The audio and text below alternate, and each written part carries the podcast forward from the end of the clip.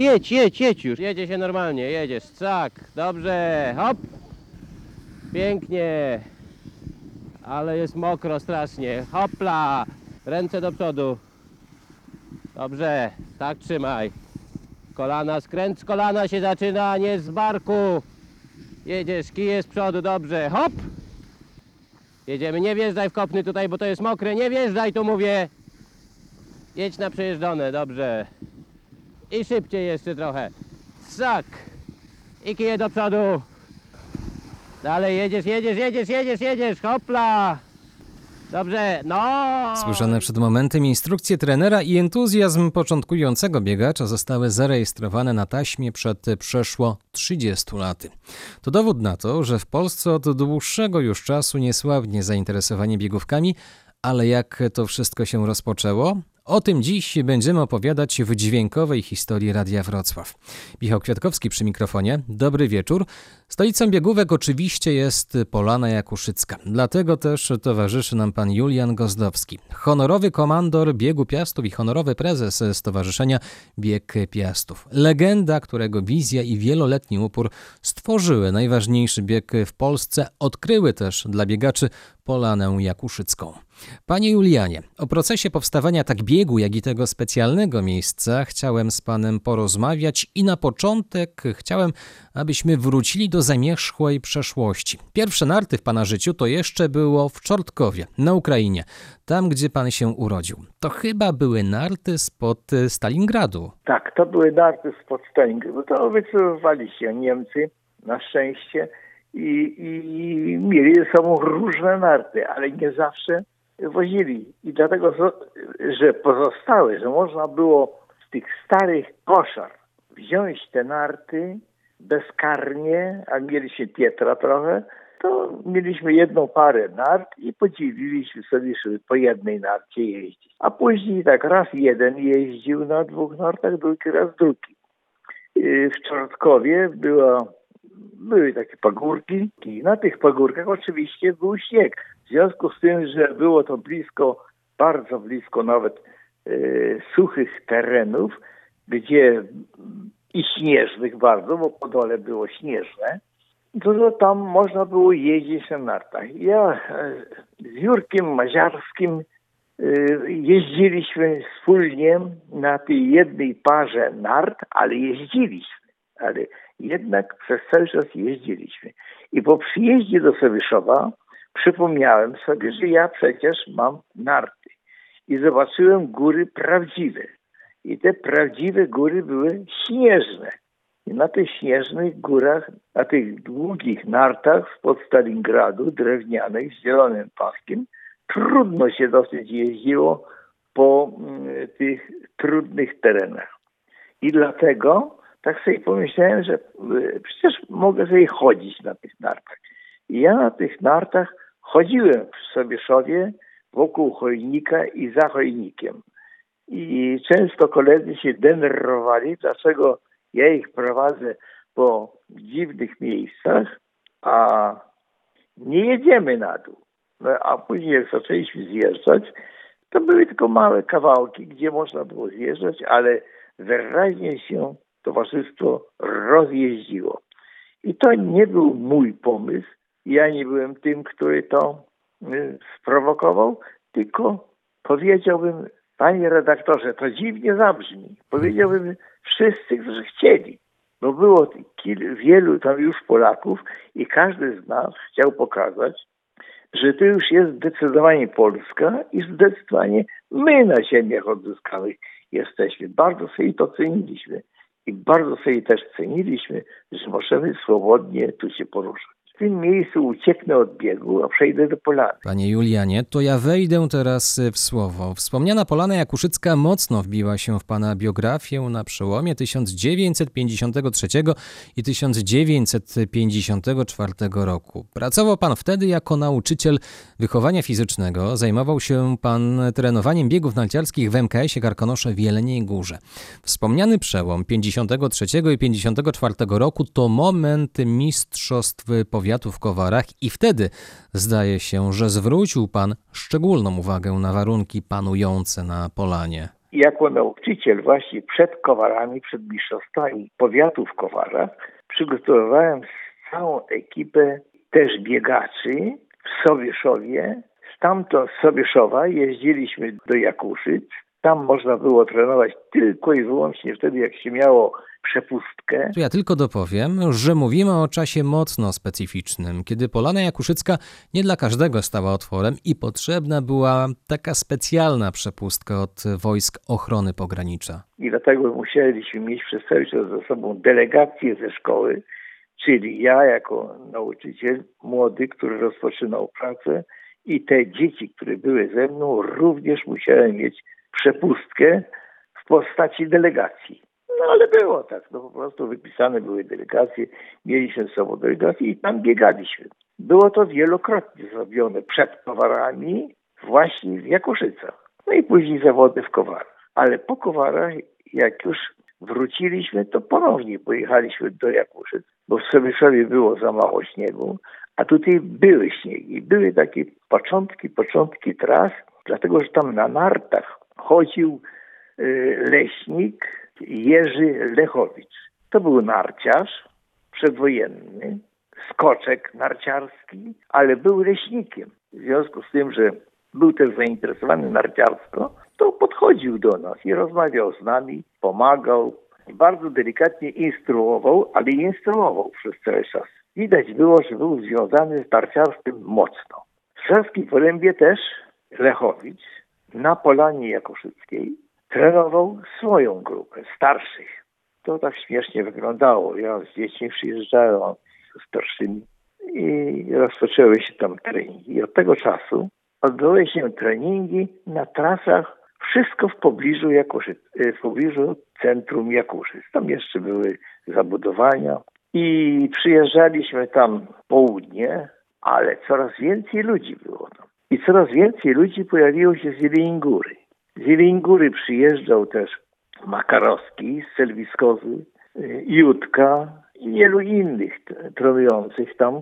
Następnie za nimi zaczęła pojawiać się grupa ścieplic, a później jak się zaczął pojawiać sport biegowy, no to to wtedy był Zbigniew Lipiński, Paszkiewicz i oni jak gdyby przygotowywali zawodników do biegania. I tak się roz, rozpoczął sport narciarski i wielu biegaczy tam stamtąd wyrosło. Panie redaktorze, pan dzisiaj był w górach i pan dobrze wie, że pan brnął po śniegu po pas. Nie jest to przypadek, dlatego że Łapski Szczyt, Smogornia, Kopa, w Szklarskiej Porębie tereny jakuszyckie zawsze są zasypane śniegiem i wtedy nawet gdy są czarne zimy, a zwłaszcza gdy jest taka zima jak obecnie zapowiadająca się. Wspominał pan wcześniej postać Jerzego Lechowicza, który odkrył fenomenalne warunki. To, że na polanie śnieg utrzymuje się do późnej wiosny. Ale ważniejszym potwierdzeniem tego faktu,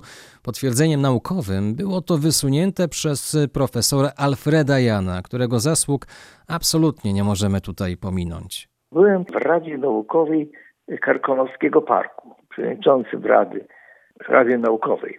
Był pan Jan. No i ja oczywiście miałem w ten sposób bardzo duży kontakt z nim, zwłaszcza, że jak później Jan mi opowiadał, to on w Czortkowie pisał pracę doktorską, dlatego że tam były te pagórki, na temat tych pagórków. W każdym razie z Janem myśmy się zaprzyjaźnili i ja mu mówiłem, że jestem zainteresowany biegami, zainteresowany jakorzecami. Panie kolego, bardzo dobrze. To jest bardzo trafiona rzecz. Dlatego, że na tym terenie, na terenie gór izerskich zderza się Wyż Azorski z Niżem Islandzkim. I to będzie zawsze. To nie będzie może dostrzegane, nie będzie mówione, ale zawsze tak się będzie działo. I to wywołuje duże opady śniegu. I dobrze, że pan tam się interesuje. I dobrze byłoby, żeby narciarstwo skierować właśnie w zachodnią część Karkonoszy i w góry izerskie, bo to są śnieżne góry. Panie Julianie, to proponuję, abyśmy teraz y, posłuchali, jak profesor Alfred Jan w swojej książce opisywał ten teren. Fragment z Kleperowa w świat szeroki czyta sam autor. ten krajobraz polarny wdarł się do mojej duszy jako bardzo ważna część moich przyszłych zainteresowań. Jeśli zmotoryzowany turysto jedziesz samochodem z Wrocławia do Jeleniej Góry i za Kaczorowem przekraczasz przełęcz, obok ze wzgórza Różanka roztacza się w dzień pogodny zapierający dech w piersi widok. Szeroka kotlina jeleniogórska, a w niej mgliste pasma wzgórz, jak kulisy na gigantycznej scenie teatralnej, jedne za drugim, coraz wyższe, coraz bardziej przypominające nieziemskie zjawy, a na końcu dotykający niebios usiany białymi plamami śniegu wałka konoszy. Tu stał niegdyś Humboldt, długo patrzył, a w notesie swoim napisał, że to jeden z jego siedmiu cudów świata. I dlatego myśmy poszli w kierunku Jakuszyc za radą między innymi profesora Jana. I stąd zainteresowanie tym plackiem śnieżnym, jaki jest prawie że przy drodze. To tam były rowy jeszcze. Ja mam takie stare zdjęcie jeszcze, gdzie były rowy, bo teraz jest gładko. Natomiast przedtem były rowy, ale były zawsze zasypane, bo było bardzo dużo śniegu i rzeczywiście te opady śnieżne były bardzo duże. Mówiliśmy o walorach krajobrazowych, ale ważny jest też klimat tego miejsca.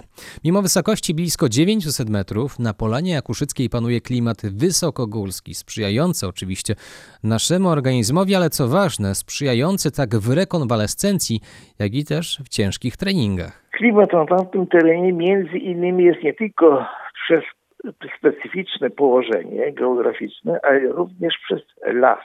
Las który ma e, igliwie, a z igliwiem zaraz idzie, jest żywica. I żywica rozbija O2 na O1. I teraz jak ten O1 zaczyna kręcić się wokół drzewa, wokół pojawiającej się żywicy, to z tego pojawia się O3. No i O3 jako najcen, jak bardzo cenny tlen, utleniający, ozon, który utlenia i stąd to powietrze jest tam zupełnie inne. Wystarczy pójść na spacer. Dlatego wielu ludzi nie wiedząc w ogóle dlaczego, ale przyjeżdża tam i chodzi na spacer, bo tamten teren ma specyficzny, specyficzny sposób oddziaływania na człowieka. I dlatego to jest jeden z najlepszych. To powinno być nawet chronione. W każdym razie, jak gdyby ludzie zaakceptowali zatwierdzili i do dzisiaj masowo przyjeżdżają bez naganiania, e, bez zachęcania, po prostu przyjeżdżają. I Jakuszyce są ich. Nie pozwolę sobie zadać teraz pytanie jeszcze dotyczące lat 50. Biegi w Polsce nie były wtedy popularne. Ludzie więc mocno pukali się pewnie w głowę, pytając, co ten człowiek proponuje, kto to będzie robił. Trzeba więc było po pierwsze przekonać ludzi, aby włożyli narty i wybrali się na Polanę Jakuszycką, a po drugie przygotowanie terenu, przygotowanie tras biegowych. Biorąc pod uwagę niedobór materiałów, wtedy to pewnie nastręczało niemało trudności. Sport biegowy rozwijał się tam w pobliżu Polany Jakuszyckiej, bo Polana Jakuszycka była za mała. Trzeba, trzeba było trochę więcej miejsca. I to zaczęło się rozwijać na tej polanie, jak się jedzie koło stacji benzynowej obecnie. I na tej polanie pojawili się pierwsi zawodnicy, ale prawdziwi. I między innymi był Paszkiewicz, między innymi był Kuźma i oni tam wytyczali trasy. I trasę, żeby wytyczyć, to trzeba było no, mieć jakieś chorągiewki kolorowe.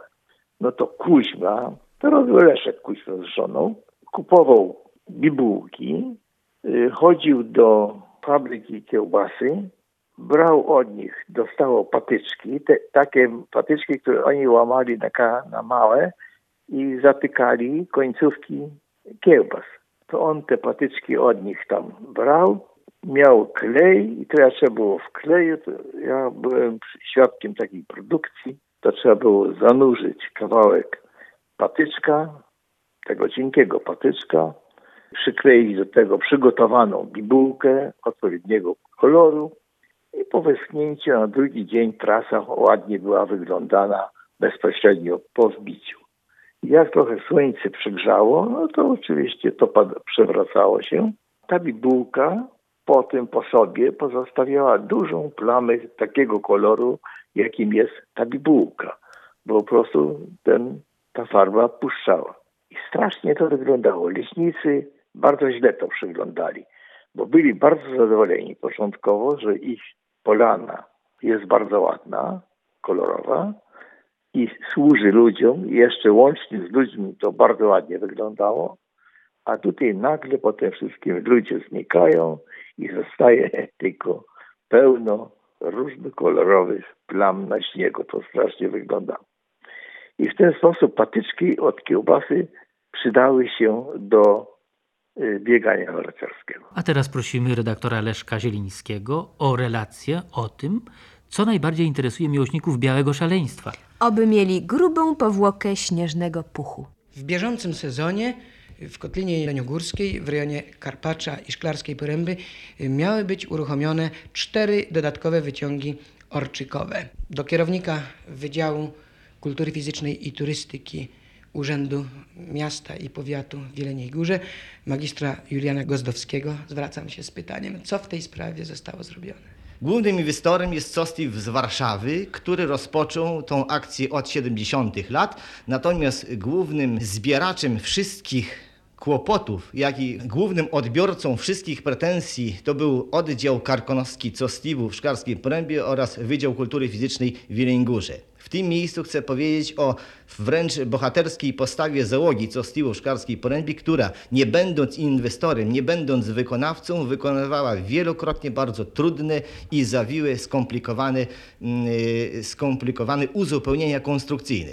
Głównym wykonawcą był Mostostal Zabrzański, który również wykonał bardzo ładnie wszystkie orczyki i w tym miejscu wypada im tylko podziękować za to, że tyle robią i że na tym terenie planują dalsze wyciągi orczykowe. W bieżącym roku udostępniamy cztery orczyki. Pierwszy orczyk na hali Szernickiej, następny na Małą Kopę, w Karpaczu, natomiast y, na Złotówce i wyciąg na Szernicy chcemy uruchomić przed y, feriami świątecznymi. Czyli święta powinny już być obsłużone przez wszystkie cztery wyciągi orczykowe. Te wszystkie orczyki w dużym stopniu umożliwią uprawiania sportów zimowych dla ludzi, którzy rozpoczynają jazdę na nartach i ci będą mogli przybywać na hali szynickiej, gdzie teren jest bardzo ładnie przygotowany, obszerna hala i łatwe tereny narciarskie, aż do trudniejszych na kopie i na szernicy. Przyjemna i krzepiąca wiadomość. Narciarze czekali bowiem na te wyciągi kilka lat. Pod koniec dekady lat 60. odszedł pan z pracy w szkolnictwie i został pan zatrudniony w administracji państwowej. Przypomnijmy, że objął pan wtedy funkcję kierownika Wydziału Kultury Fizycznej i Turystyki Urzędu Miasta i Powiatu w Jeleniej Górze. Czy ta zmiana wynikała z tego, że chciał pan mieć realny wpływ na kształtowanie się sportów zimowych w regionie? Ja byłem bardzo związany od początku z regionem jeleniogórskim. Dlatego, że rozumiałem, że musiałem zostawić mój teren, mój kochany teren w Czortkowie i moje górki w Czortkowie, mój śnieg w Czortkowie i dom. To wszystko musiałem zostawić. Zostałem przeniesiony prawie że karnie tu. Bardzo mi się to podobało, bo Sobieszów był bardzo ładny. Ale to nie był mój Czortków. I dlatego wszystko robiłem, żeby to, co mogę, tam, gdzie mogę wpłynąć, nawet minimalnie, na centymetr, żeby wpłynąć na ten teren, to starałem się na to wpływać. No to, żeby to wpłynąć, to trzeba mieć takie możliwości. Dlatego wpychałem się tam, żeby to narciarstwo tutaj mm, rozpowszechnić, dlatego że ono dawało jak gdyby taką kanwę, na której można było pokazać to Jelenię Górę. Ja mówię ogólnie Jelenię Górę, bo tu chodzi górnie, e, głównie o góry. I wtedy ja już byłem wyżej, ja już awansowałem. Chciałem powiedzieć dzięki swojej pracy, ale awansowałem w każdym razie. I byłem pracownikiem administracji państwowej w Jeleniej Górze, powiatu.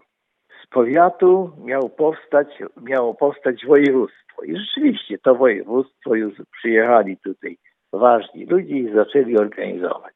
i między innymi Chocholak, Ciosek e, i tam mówili, że trzeba coś takiego zrobić, żeby to zaistniało. A w związku z tym, że ja się interesowałem tymi biegami, to powiedziałem, że przecież można zorganizować bieg piastów. No i oni tak zaczęli trochę wyśmiewać, że to, że mają przyjść zawodnicy i biegać na tych nartach, ale Ciosek później mówił, właściwie to możemy zrobić, bo to będzie dużo ludzi. Ale głównym organizatorem muszę powiedzieć, że taki był schowany z tyłu Krzysztof Blaut z przeglądu sportowego, bo on chciał, żeby przegląd sportowy też tutaj mocno zaistniał.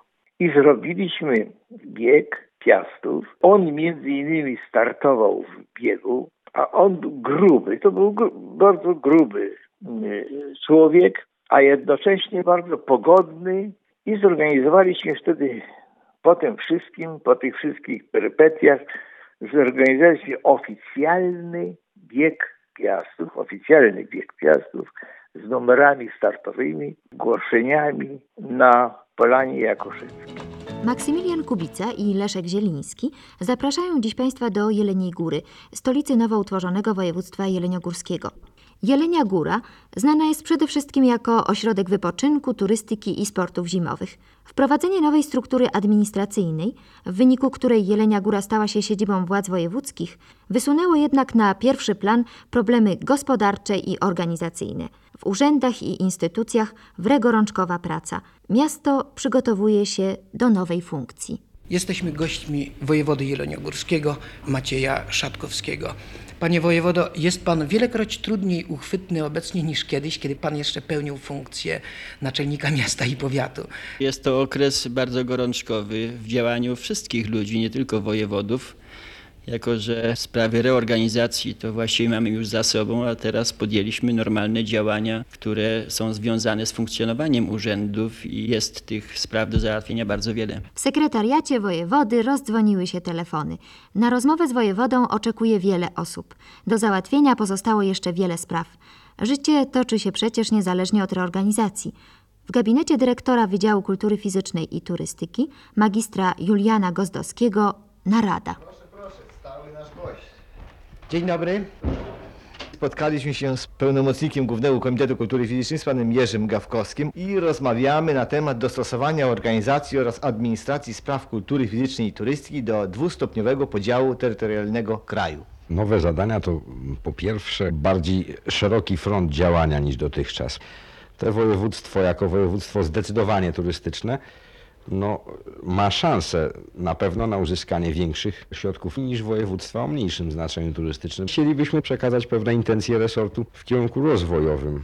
Tu trzeba powiedzieć bardzo ładnie dyrektor wydziału zorganizował wydział. Wszystkie te zmiany muszą być zachowane w marszu i prowadzone jednocześnie z przygotowaniem do sezonu letniego. W związku z tym wczoraj wróciliśmy z terenu bolesławieckiego oraz z Gorzelca, a dzisiaj ustalamy bieżące sprawy Jeleń Góry. Wszyscy gestorzy obsługi ruchu turystycznego są do tego przygotowani, realizują swój program działania, niezależnie od tych wszystkich działań, które u nas się dzieją w administracji państwowej. I to jest chyba najważniejsza dla nas rzecz. A w połowie kolejnej dekady, w latach 70., wybuchł temat województwa jeleniogórskiego, który mocno zaważył na oficjalnym powstaniu biegu piastów.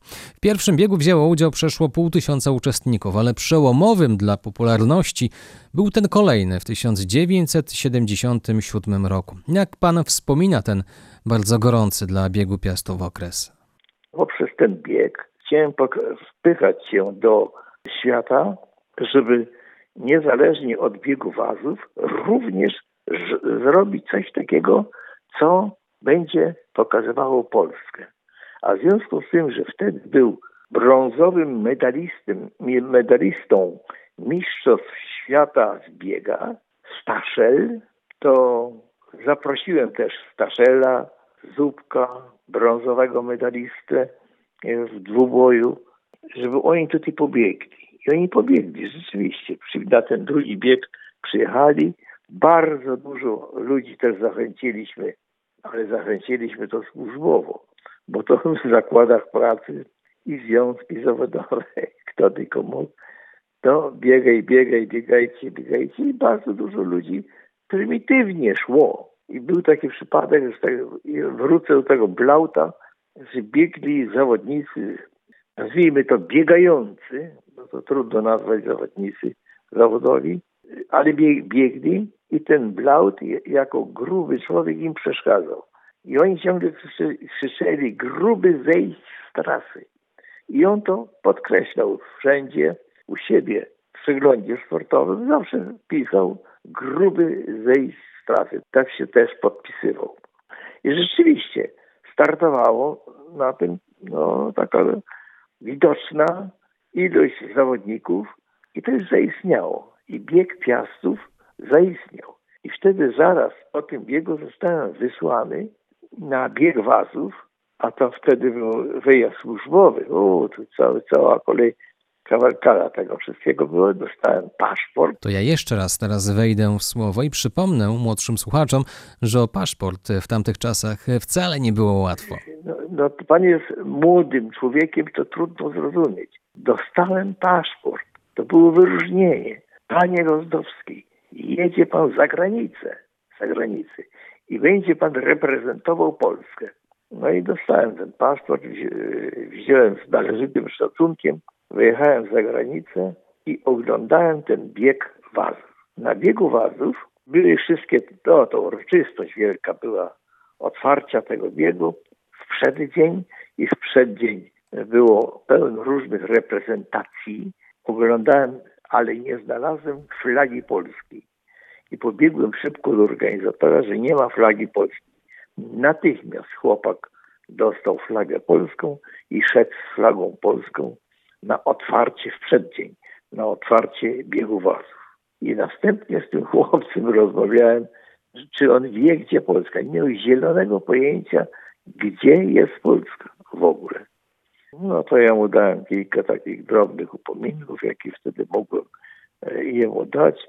Wytłumaczyłem, że w którym miejscu jest Polska, ale co dziwne, on wiedział, gdzie są Czesi, wiedział, gdzie są Niemcy, wiedział, gdzie, gdzie jest Rosja, a nie wiedział, gdzie jest Polska. I to mnie tak dziwiło bardzo. I dlatego skupiłem się na tym dosyć długo. I następnie jako przedstawiciel Polski, ja, jako przedstawiciel Polski zostałem zaproszony na trybunę główną i ja się patrzę, a w pewnym momencie wszyscy, wszyscy tam zwracają się trochę w kierunku do mnie, ale nie do mnie. Co oni chcą? Oni patrzą, ja się patrzę, a tam idzie paniusia, ładnie ubrana, elegancka, ładna, młoda, dziewczęca. Zaczynam się domyślić, że to jest królowa. I ona podeszła, stanęła koło mnie i tak oglądaliśmy start do biegu wazów, ale ja jej mówię, że ja jestem z Polski, a ona tak po, po, po polsku powiedziała. To jest Polska. Bo ona jako stewardessa pamiętała ten fragment. To jest Polska. No to było duże wyróżnienie. I oglądając ten start, miałem możliwość widzieć, jak ogromna ilość ludzi jest zainteresowana, ile ludzi koło chodzi koło imprezy, żeby ta impreza mogła być i następnie ile terenu jest przygotowane wcześniej. Jeszcze w poniedziałek znalazłem trochę czasu, żeby oglądnąć to na miejscu i widać było, ile torów, ile tras, ile miejsc było przygotowane. No i później pojechałem wzdłuż całej trasy i wzdłuż całej trasy oglądałem bieg. A w związku z tym, że rano oszczędzałem i nic nie jadłem, no to oni mnie tak często, oni mnie czasem żebym spróbował w czasie biegu, że spróbował przy bufecie. Ja spróbowałem przy bufecie, ale starałem się bardzo mało jej, żeby, żeby nie rzucać się na jedzenie. Natomiast wykorzystałem to, że co jakiś czas zmieniała się ekipa przy bufecie, także mogłem tyle razy zjeść, ile była nowa ekipa, żebym się nie kompromitował, e, że tak dużo jem. Na biegu wazów spotkałem się z reprezentantami kilku innych krajów świata. Jak usiedliśmy tam razem, no to zaczęliśmy, roz... ja nic innego nie, roz... nie mówiłem, tylko od razu pokazałem im, gdzie tam Polskę można wcisnąć. Znaczek był, miał pięć ramion. Bieg Hito, bieg Wazów, Marcia Longa, Dolomitenlauf, König Ludwiglauf. I ja wziąłem ten znaczek, nożyczkami odciąłem każdemu kawałek flagi, mały kawałek, proporcjonalnie i wstawiłem tam identycznie, odręcznie zrobiony bieg piastów y, z flagą polską. Byłem bardzo dumny z tego, że zrobiłem taką propozycję, bo to było przy barze, dokładnie mówią. I natychmiast zaakceptowali, że w następnym roku bieg piastów wchodzi do Eurolope, to się nazywało. Eurolope. Nikt jeszcze wtedy nie wiedział, że na wejście do Europejskiej Ligi Biegów Długodystansowych jednak trzeba będzie długo, długo poczekać. No ale duma wtedy pewnie pana rozpierała. No ja byłem z tego też oczywiście bardzo dumny, że Polska jest w Eurolopie. Przywiozłem to do Polski. No i w następnym roku w związku ze zmianą, zmianą stanowiska pracy już nie miałem z nimi kontaktu. Jak nie miałem z nimi kontaktu, to oni nie dokończyli tego i nie zrobili. Po kilku latach się pojawiłem z powrotem. Jak mnie zobaczyli, to pierwszą rzecz, co objechali bardzo, no tak mi się oberwało, że aż się źle czułem. Że właściwie musiałem mówić przez cały czas przepraszam, a to, co ja tłumaczyłem, to ich w ogóle nie interesowało. A i to w ogóle. Natomiast mieli bardzo duże pretensje, że natychmiast nie zgłosiłem z powrotem. Bardzo ich przepraszałem. Jakoś tam zatwierdziliśmy, że z powrotem Polska wraca i Polska w ten sposób dostała się do Eurolope. Z Eurolope, żeby dostać się do World do światowej ligi, to trzeba było też spełnić kilka różnych tych warunków i my po prostu spełniliśmy. I w tej chwili jestem bardzo dumny z tego, że my liczymy się w świecie, bo nasz bieg, polski bieg piastów, gdziekolwiek pan podjedzie i powie bieg piastów, natychmiast ma pan oznakę, że to jest człowiek z jakiegoś porządnego biegu. Jako człowiek Julian jest kimś wyjątkowym, niezwykłym, niepowtarzalnym. To chyba niedawno Justyna też coś Kowalczyk na ten temat powiedziała, że trzeba by poklonować Juliana, żeby tak dobrze się działo w innych miejscach Polski, w których się tak dobrze nie dzieje. Panie Julianie, a który bieg był dla pana tym najważniejszym? Biegów już było wielu i, i, i, i to biegi były, które przekroczyły ilość tysiąc startujących, bo to było takie bardzo ważne, ale jednak dla mnie najważniejszy był pierwszy bieg, bo on był impulsem, który wywołał bieganie w ogóle. Dlatego, że wiele ludzi, między innymi w Kowarach, biegało. Dlaczego? Dlatego, że był taki bieg piastów i w następnym biegu piastów musimy się lepiej przygotować. I żeby się przygotować lepiej do tego biegu piastów, wielu ludzi przyjeżdżało pod Jakuszyce, bo tam był właśnie śnieg. Z tym, że od razu muszę dodać, że bardzo pomogli nam leśnicy. Zwłaszcza jak ja mogłem się powołać na kontakty z profesorem Janem i z innymi profesorami z Rady Naukowej, którzy bardzo wyraźnie wskazywali, że tamten teren od Szrenicy w kierunku do, do Gór Izerskich jest bardzo śnieżny i war, warto tym, tym terenem się zajmować. Że ono ma specjalne zjawiska i nie bez powodu na tym terenie też trenowała grupa później Molaka, był taki trener w Polsce. I on trenował Krzyszkowiaka, Chromika i ci wszyscy, ta cała najlepsza grupa światowa, która była mistrzami olimpijskimi, mistrzami świata, trenowała głównie w przesiece, ale on mi pokazywał, że on w przesieki biega jakimi duktami leśnymi, którymi ścieżkami biega do Jakuszyc, bo mówi, bo na tamtym terenie jest bardzo dobre powietrze. Miał takie nawet opracowanie.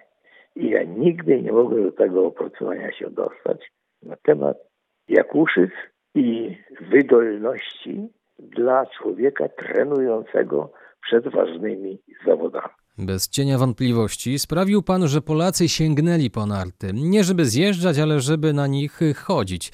Coś, co przed 50 laty wydawało się nie do pomyślenia, dziś jest obowiązującym zimowym zwyczajem. To chciałem zakończyć naszą rozmowę nieco rodzinnie, bo pana żona, pana córki startowały kiedyś w biegu piastów i jak zaopatrywały się na taką biegową rywalizację.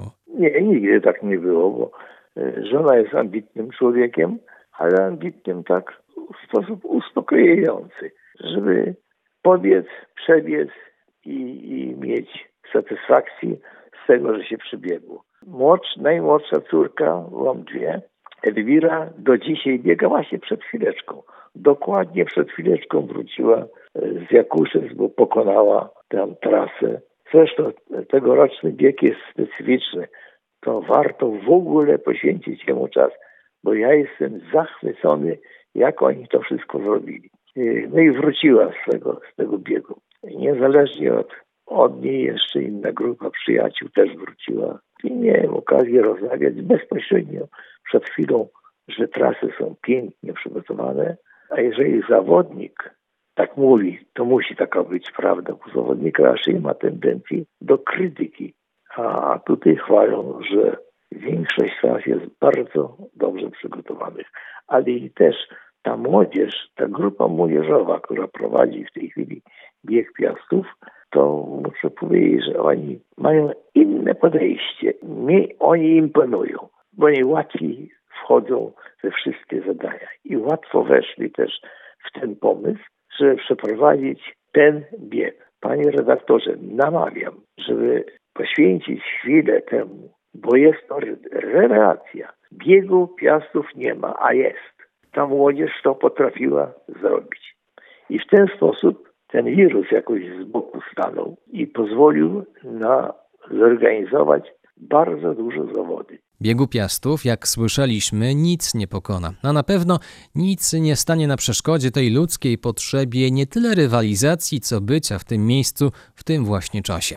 Panie Julianie, bardzo dziękuję, że znalazł Pan czas, aby porozmawiać o dziele swojego życia i aby obdarzyć nas anegdotami dotyczącymi tego, jak powstawał bieg Z przyjemnością. Dziękuję bardzo. I miejsce jego rozgrywania. Wiem, że walczył Pan z chorobą, dlatego trzymam kciuki za to, żeby zdrowie dopisywało coraz mocniej. Budzi się, budzi się wiosna, więc oby te Dziękuję. promienie słońca gdzieś tutaj Panu ogrzewały Dziękuję. duszę i ciało przede wszystkim, no i bardzo, żeby to, bardzo dziękuję. żeby to świeże... Bardzo dziękuję i gratuluję cierpliwości. Julian Gozdowski, legendarny twórca, honorowy komandor Biegu Piastów i honorowy prezes Stowarzyszenia Bieg Piastów był dziś z nami. Dziękuję i do usłyszenia, panie Julianie. Do usłyszenia. Dziękuję bardzo.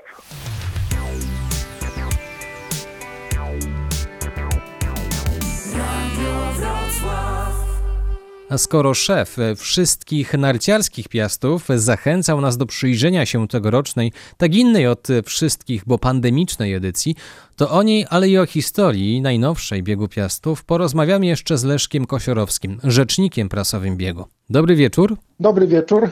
1976 rok pierwszy, bieg piastów 2021 kolejny już, a więc 45. No i właśnie, biegu w tym roku nie ma, ale jest, jak przed momentem stwierdził Julian Gozdowski, a więc szef wszystkich narciarskich piastów. Udało się. Tak, bieg piastów to przede wszystkim zawodnicy i trasy w Jakuszycach. Trasy są. Zima nas w tym roku naprawdę rozpieściła.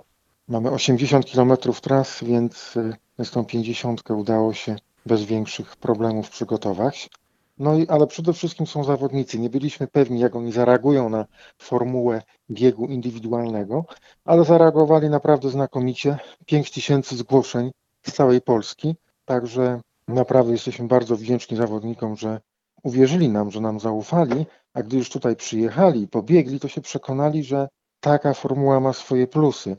Oczywiście brakuje startu wspólnego tych wielkich emocji na Polanie Maliszewskiego bądź na Polanie Jakuszyckiej, bo to są dwie nasze areny startowe. Natomiast plusem jest to, że jest ogromna wygoda biegu i y, ten start wspólny jednak wymusza wspólny bieg później. To nie jest tak jak w biegach ulicznych, że jest dosyć szeroko i można tam y, łatwo wyprzedzać. W biegach narciarskich jednak to wyprzedzanie kosztuje wiele sił. No a jak się biegnie samemu, tak jak teraz w tym roku na biegu Piastów, to jest naprawdę bardzo, bardzo wygodnie. Sam też startuję i, i, i naprawdę chwalę to sobie.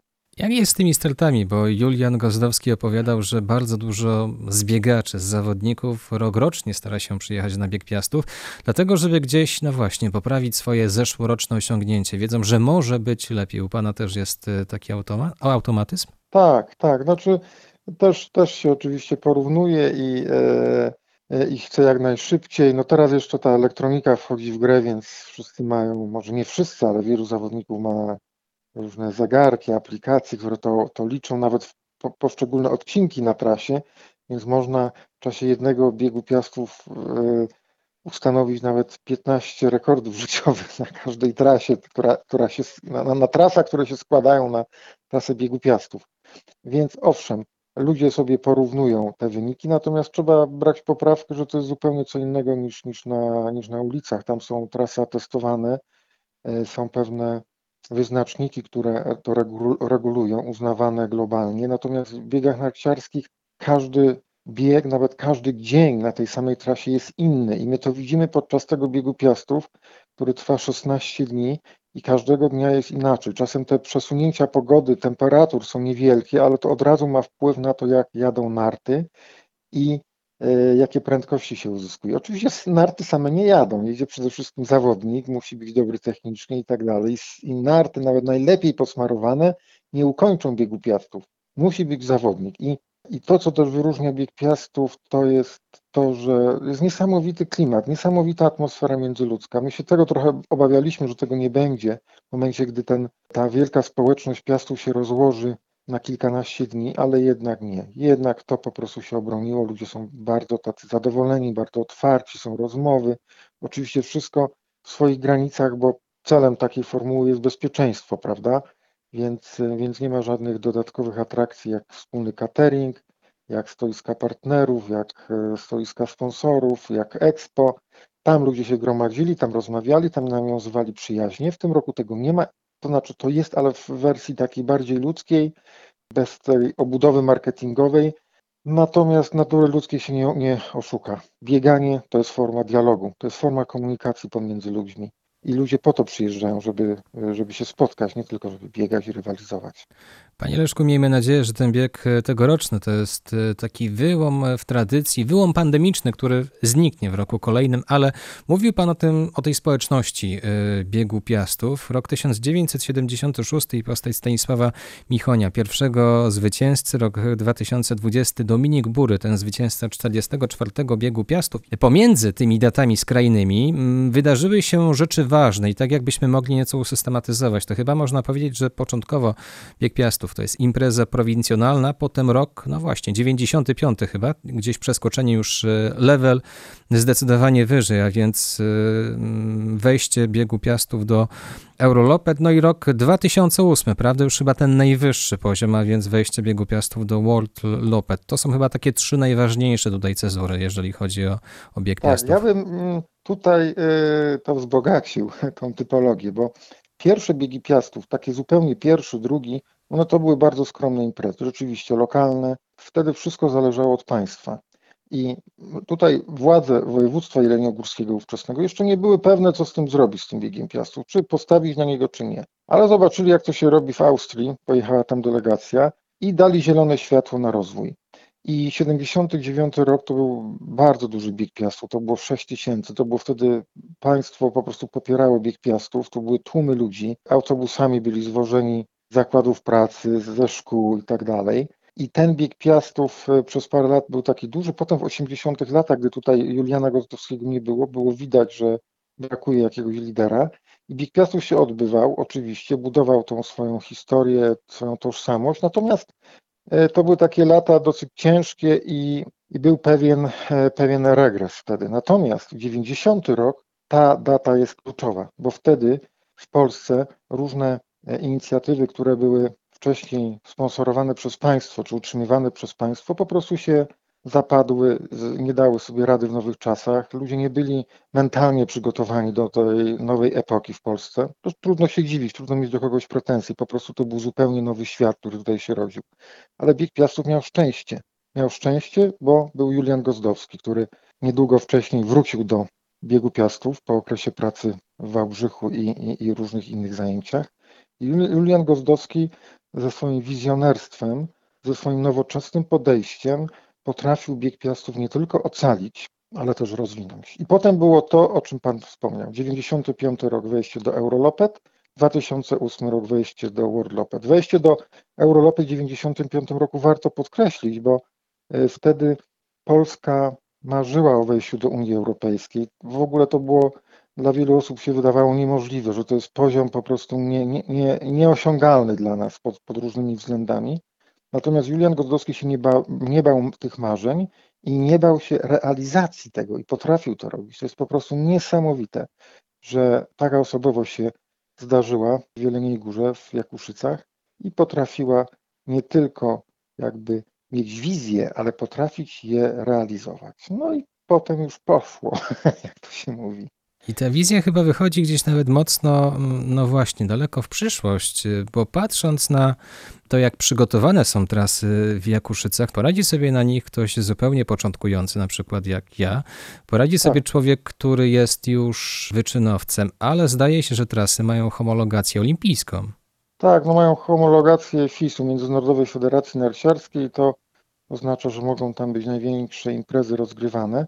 I taki jest plan, bo, roz, rozegranie tutaj Pucharu Świata w 2012 roku i 2014 było takim otwarciem Jakuszyc na zupełnie nowe doznania sportowe, bo jednak czymś innym zupełnie są biegi masowe, a czymś innym Puchar Świata, gdzie startuje powiedzmy 100 osób, czy tam 200 i to są sami wyczynowcy, są wysokie nagrody, jest ogromna presja jakby marketingowa, jest transmisja telewizyjna i tak dalej. I to dwa razy się wydarzyło w Jakuszycach, natomiast e, stało się też jasne, że Jakuszyce nie są przygotowane do takich imprez, ponieważ e, jest to bardzo kosztowne, aby tam wszystko urządzić na Puchar Świata, całe miasteczko, całą infrastrukturę. Stąd pomysł budowy nowoczesnego ośrodka w Jakuszycach, który datuje się od lat 70. ubiegłego wieku, wreszcie dojrzał. Po prostu Polska myślę, że na, na odpowiednim poziomie cywilizacyjnym mus, musiała się stać, żeby taki projekt w ogóle mógł przejść przez te różne sita decyzyjne, regionalne i krajowe, bo, bo to i rząd, i, i marszałek województwa finansuje budowę nowego ośrodka. No i w tej chwili już we wrześniu to będzie otwarte. Już jest przyznane prawo organizacji Mistrzostw Europy w biatlonie juniorów w 2024 roku i te duże imprezy tutaj będą się odbywać. Panie Leszku, to wieńcząc y, nasze spotkanie, jeszcze chciałem właściwie nie dopytać, ale upewnić się, upewnić nas, naszych słuchaczy, że Polana Jakuszycka tak jak była dostępna i otwarta, no właśnie dla wszystkich chętnych, którzy chcieli się zmierzyć y, z, z biegówkami, tak i pewnie będzie, bo tym najważniejszym hasłem gdzieś wywoławczym tutaj jest y, ta pasja, no i to, co zrobił chyba Julian Gozdowski, czyli gdzieś wszystkich nas zaprosił do tego, aby tam przyjeżdżać, nie tylko zimą, ale i przecież nawet w kwietniu, kiedy tam jeszcze śnieg się utrzymuje, próbować swoich sił, no i wracać w kolejnym roku. Oczywiście, no, ta otwartość na, dla każdego jest jakby częścią tożsamości zarówno Jakuszyc, jak i biegu Piastów i nie wyobrażam sobie, aby to się zmieniło. Duch Juliana Gozdowskiego tam cały czas krąży, ta, te, te jego idee są, są ciągle żywe i no jakby, jak, jakby jesteśmy wszyscy z Juliana, prawda? Więc, więc tutaj ja sobie nie wyobrażam, żeby było inaczej. Wiem, że samorząd województwa, który będzie gospodarzem tego nowego ośrodka, jest tego samego zdania. I jestem przekonany, bo znam takie przykłady z, ze świata, gdzie, gdzie, gdzie miałem przyjemność biegać, że to się świetnie uzupełnia. Są ośrodki, gdzie są trasy dla wszystkich i jest wydzielona część dla wyczynowców i tam się odbywają wielkie światowe imprezy. I tak może być i mam nadzieję będzie w Jakuszycach. I trzymajmy za to mocno kciuki. Leszek Kosierowski, rzecznik biegu Piastów. Dziękuję bardzo. Dziękuję. To była dźwiękowa historia Radia Wrocław. Michał Kwiatkowski, dziękuję za dziś i do usłyszenia za tydzień.